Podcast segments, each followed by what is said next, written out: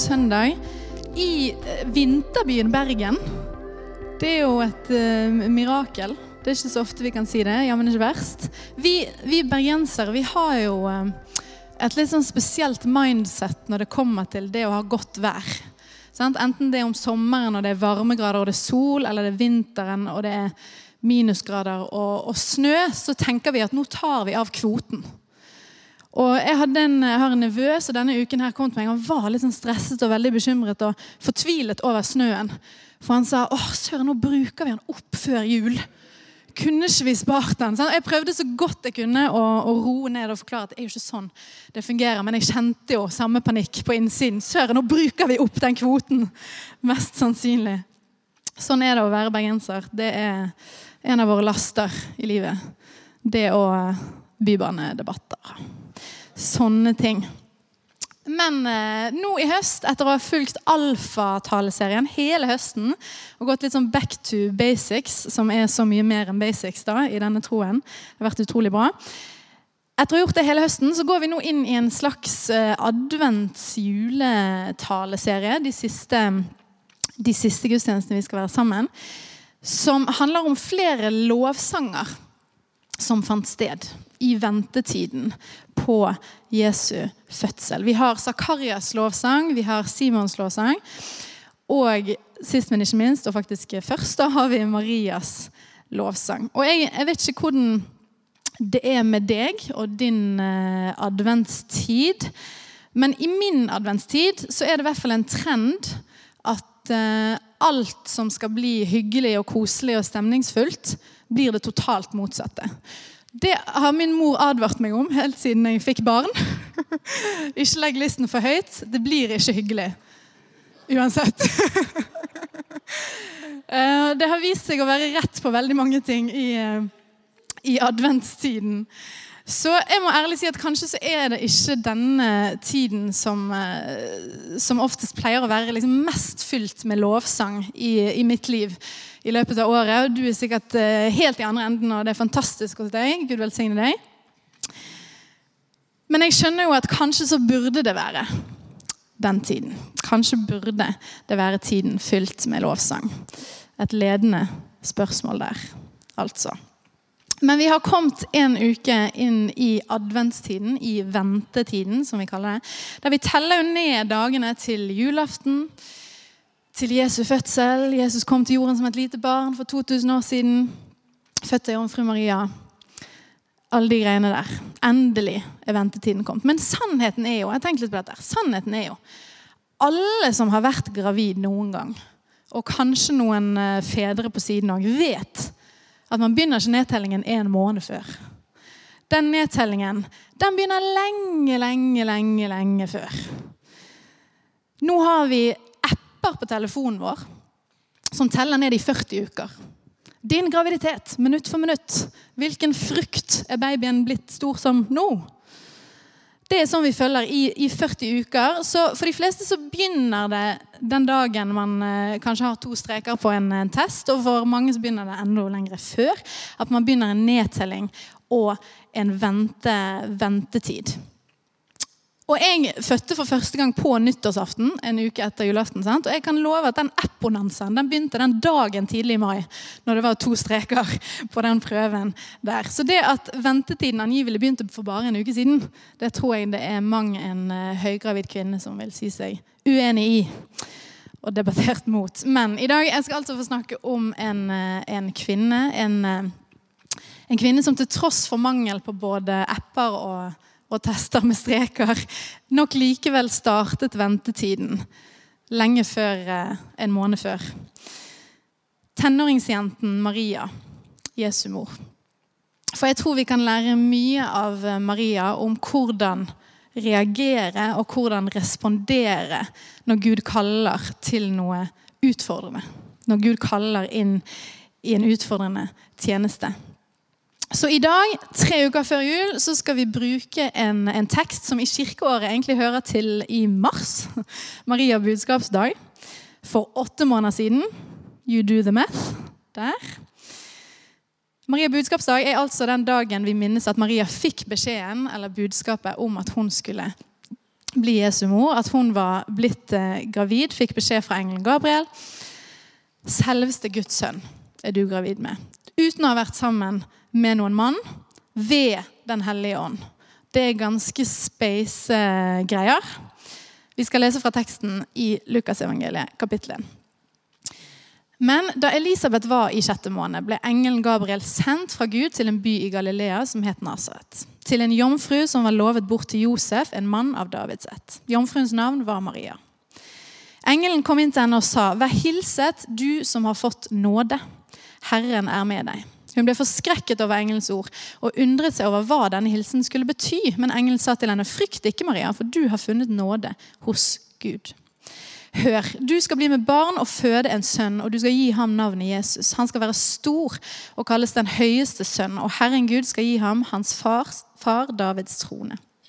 Han skal være konge over Jakobs hus til evig tid. Det skal ikke være ende på hans kongedømme. Maria sa til engelen, 'Hvordan skal dette kunne skje når jeg ikke har vært sammen med noen mann?' Fair spørsmål, tenker i hvert fall jeg. Engelen svarte, 'Den hellige ånd skal komme over deg, og den høyestes kraft skal overskygge deg.' 'Derfor skal barnet som blir født, være hellig og kalles Guds sønn.' Og hør, din slektning Elisabeth venter en sønn, hun også, på sine gamle dager. Hun som de sa ikke kunne få barn, er allerede i sjette måned pust ut. Her er det mye greier som skjer. Og jeg tenker at det logiske for uh, enhver person er på dette tidspunktet å sitte igjen som et stort uh, spørsmålstegn. Hva i alle dager er det som skjer? Og det tenker jeg det kan godt være Maria og Jorde. Og det er jo som om engelen kan lese tanker, for til det så får Maria og vi dette enkle svaret. For ingenting er umulig for Gud. Skeptikeren er kanskje ikke helt fornøyd med det enkle svaret der. Men Maria, Maria, folkens. Tenåringsjenten som garantert vet at hun kommer til å bli uglesett og utstøtt og ikke trodd av folk rundt seg. At hun går vanskelige tider i møte. Hør hva hun sier. Da sa Maria, se, jeg er Herrens tjenestekvinne. La det skje med meg som du har sagt. Så forlot engelen henne. Maria budskapsdag, Lukasevangeliet kapittel 1, innebærer på den ene siden selve budskapet, som var det vi leste nå. Budskapet fra engelen om at Guds sønn skal bli menneske på jord, og Gud iverksetter sin store frelsesplan gjennom å forlate tronen, bli liten, komme ned til oss for å redde oss. Det er budskapet, første del. Og så er det andre del, som er Marias sin respons hvordan hun reagerer og responderer på dette. her. Og Det er det jeg vil at vi skal fokusere mest på i dag. Ettersom de fleste av oss ikke vil motta samme budskap som Maria mottok noen gang i løpet av eh, livet, men vi vil alle sannsynligvis opptil flere ganger skulle reagere og respondere på noe som Gud utfordrer oss til i våre liv. Både stort og smått. For Marias respons den sier noe om Maria. Men han sier òg noe om Gud og hvem han er, som vi òg kan søke og gripe. I tillegg til at Maria kan være en inspirasjon og et forbilde for oss. Marias respons i teksten som vi nettopp leste, den er jo å stille et ganske sånn betimelig spørsmål rundt det rent praktiske først. Hvordan i alle dager er dette mulig? Så tar hun til takke med det svaret hun får. Ingenting er umulig for Gud. Og så overgir hun seg fullstendig til Guds plan og kall etter å ha fått det svaret. Se, jeg er Herrens tjenestekvinne. La det skje som du har sagt. Sier hun tilsynelatende frimodig midt i den usikkerheten og utfordringen og prøvelsen som dette er. Og så er ikke det dette, den villigheten, det er ikke hele responsen til Maria. Men etter dette så reiser hun til Elisabeth. Hun får se at det er sant, det som engelen har sagt. At gamle Elisabeth, som ikke kunne få barn, hun er òg gravid fordi ingenting er umulig for Gud. Og når Maria ser det, så kommer det som har fått navnet Marias lovsang som respons. Og Nå skal vi lese et tekststykke til og så gå litt dypere inn i det. Min sjel opphøyer Herren, og min ånd fryder seg i Gud min frelser. For han har sett til sin tjenestekvinne i hennes fattigdom. Og se, fra nå av skal alle slekter prise meg salig, for store ting har han gjort mot meg. Han den mektige, hellig er hans navn. Fra slekt til slekt varer hans miskunn over dem som frykter ham. Han gjorde stor verk med sin sterke arm. Han spredte dem som bar hovmodstanker i hjertet. Han støtte herskere ned fra tronen og løftet opp de lave. Han mettet de sultne med gode gaver, men sendte de rike tomhendte fra seg. Han tok seg av Israel sin tjener og husket på sin miskunn, slik han lovet våre fedre, Abraham og hans ett, til evig tid.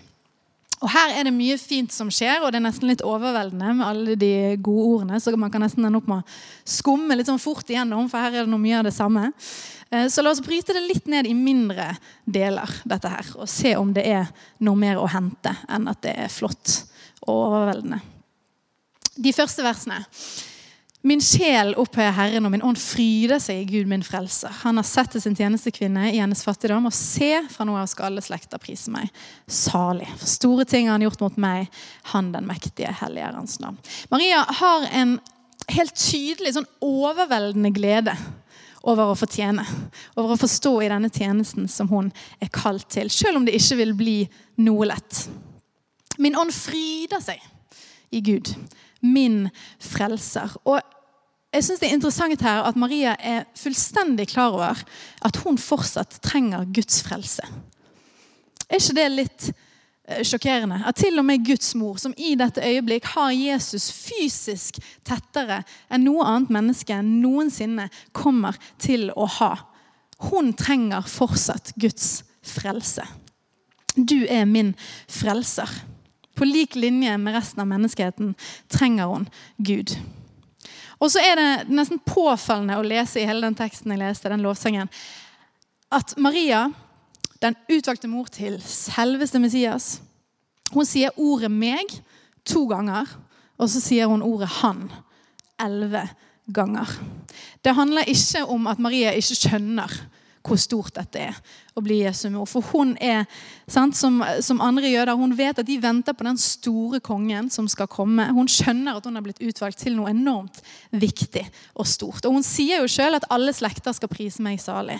Men, og det er et stort forbilledlig men her, at folk skal ikke prise hun fordi jeg har blitt utvalgt og skal være Jesu mor og er spesiell.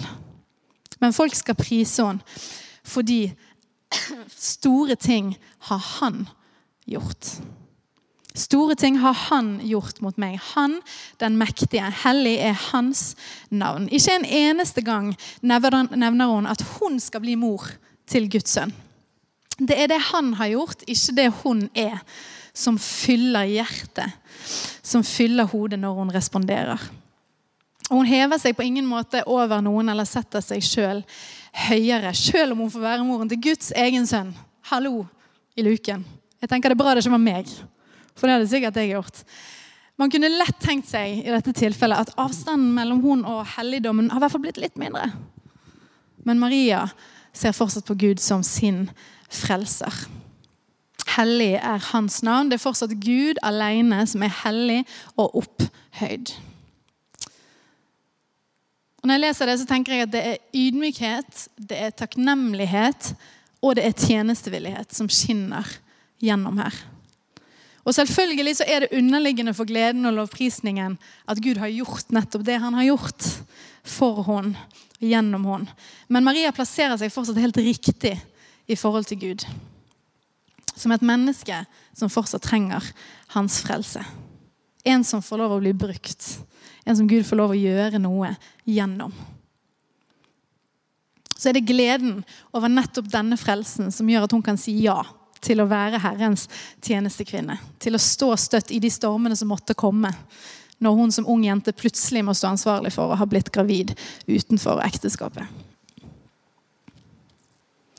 Og så er Maria helt ferdig med å nevne seg sjøl i vers 50. Fra slekt til slekt varer hans miskunn over dem som frykter ham. Fokuset herfra er ene og alene på Gud og hvem han er.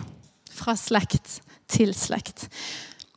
Hvor enn unik denne hendelsen er, så plasserer Maria den i en sånn kontekst som viser at dette er faktisk sånn som Gud gjør. Dette er sånn han holder på med. Dette er den guden vi har. Maria fikk beskjed om at du har funnet nåde hos Gud. Dette er en handling av Guds nåde, og han er nådig fra slekt til slekt, fra generasjoner til generasjoner. Og Sånn sett så er ikke dette overraskende eller uvanlig i det store bildet med den Gud som vi har med å gjøre. I Marias liv og historie så er jo dette en helt unik hendelse. Men så velger hun likevel å peke på at Gud er konstant, og i hans historie så er dette faktisk bare ett av uendelig mange eksempler på at han utøser sin nåde over mennesker.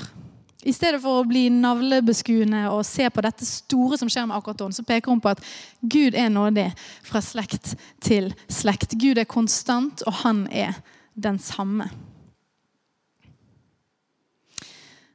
Videre i teksten For å forklare at dette ikke er unikt for Gud, at han har valgt en fattig, ung tjenestekvinne fra en lav samfunnsklasse når selveste inkarnasjonen, som skal forme hele resten av historien, skal finne sted, så har Maria noen vers fulle av verb for å beskrive Gud og det han gjør.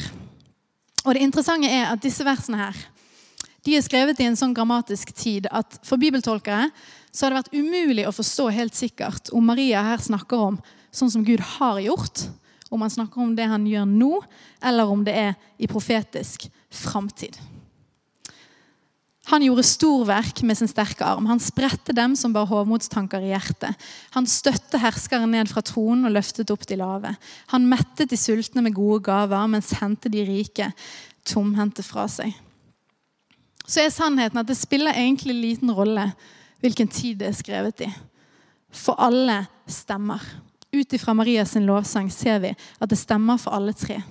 Det at Gud valgte hun er bare et eksempel på det Gud har gjort, gjør og kommer til å gjøre i framtiden. For i frelsen er det nettopp dette Gud alltid gjør. Han står de stolte imot. Han løfter opp de lave, han metter de sultne, han gir gode gaver, og han tar seg av sitt folk. Han tok seg av Israel sin tjener og husket på sin miskunn, slik han lovet våre fedre, Abraham og hans ett, til evig tid. Det Maria erfarer, det passer helt inn i den større konteksten. I løftene som Gud har gitt til hele nasjonen. Slik han lovet våre fedre til evig tid i den unike historien til dette unike folket, så virker denne unike jomfrufødselen i inkarnasjonen nesten naturlig. Nesten. Og jeg tenker Når jeg har jobbet gjennom disse tekstene, så tenker jeg at det er mye vi kan lære av Maria. Men her har jeg lyst til å dra fram to ting som jeg tenker vi kan ta med oss inn i i adventen og i livet. Det første er at Maria gir seg fullstendig over til Guds kall når det kommer. I full tillit og villighet til han, uansett hvor usannsynlig og ikke minst umulig og vanskelig det virker. Jeg er din tjenestekvinne. Og for det andre så går Maria gjennom en prøvelse ikke bare i et eh, overlevelsesmodus. Men Maria erfarer at tross for at det er utfordrende og vanskelig, så former det noe i henne å stå i den vanskelige tjenesten. Det former noe som, som leder henne til enda større overgivelse, enda større modenhet i troen. I prøvelsen, i kallet, så blir hjertet mykere i stedet for hardere. Det blir varmere i stedet for kaldere. Tenk hvis vi kunne si det samme midt i våre prøvelser, etter våre prøvelser. Fordi Maria var villig til å tjene likevel. Min ånd fryder seg i Gud, min frelser. Å si ja til tjeneste og stå utholdende i tjeneste, hvordan det enn skulle se ut, det bygger noe i oss. Av tro, av modenhet, utholdenhet, tillit. Uten at det er lett eller smertefritt, men det bygger noe i oss. Det er en mulighet for Gud å jobbe i oss og gjennom oss. Om du skulle stå midt i noe utfordrende med tanke på din tjeneste, eller syns det er vanskelig å finne din plass, så håper jeg at du vil ta med deg det i dag. skal gå mot en, en avslutning. Men Maria, altså. For en eh, respons, tenker jeg. Og for et forbilde. En ung, ung kvinne. For et forbilde for oss alle. Så er ikke det veldig mange sitat fra Maria videre i evangeliene.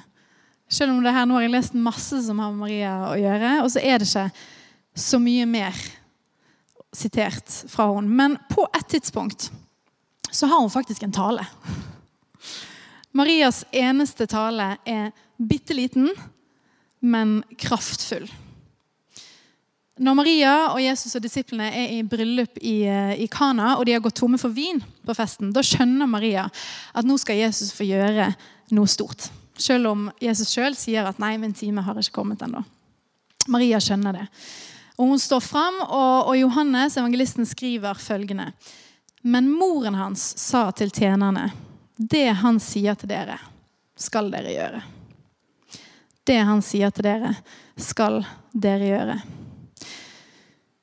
Og Sett i sammenheng med, med Lukas 1 så blir det tydelig for meg i hvert fall, at, at, om det er noen som kan si dette her med en viss tyngde, så er det Maria. Gjennom alle prøvelser så står Maria likevel igjen og kan oppfordre andre uten å nøle. Det han sier til dere, det skal dere gjøre.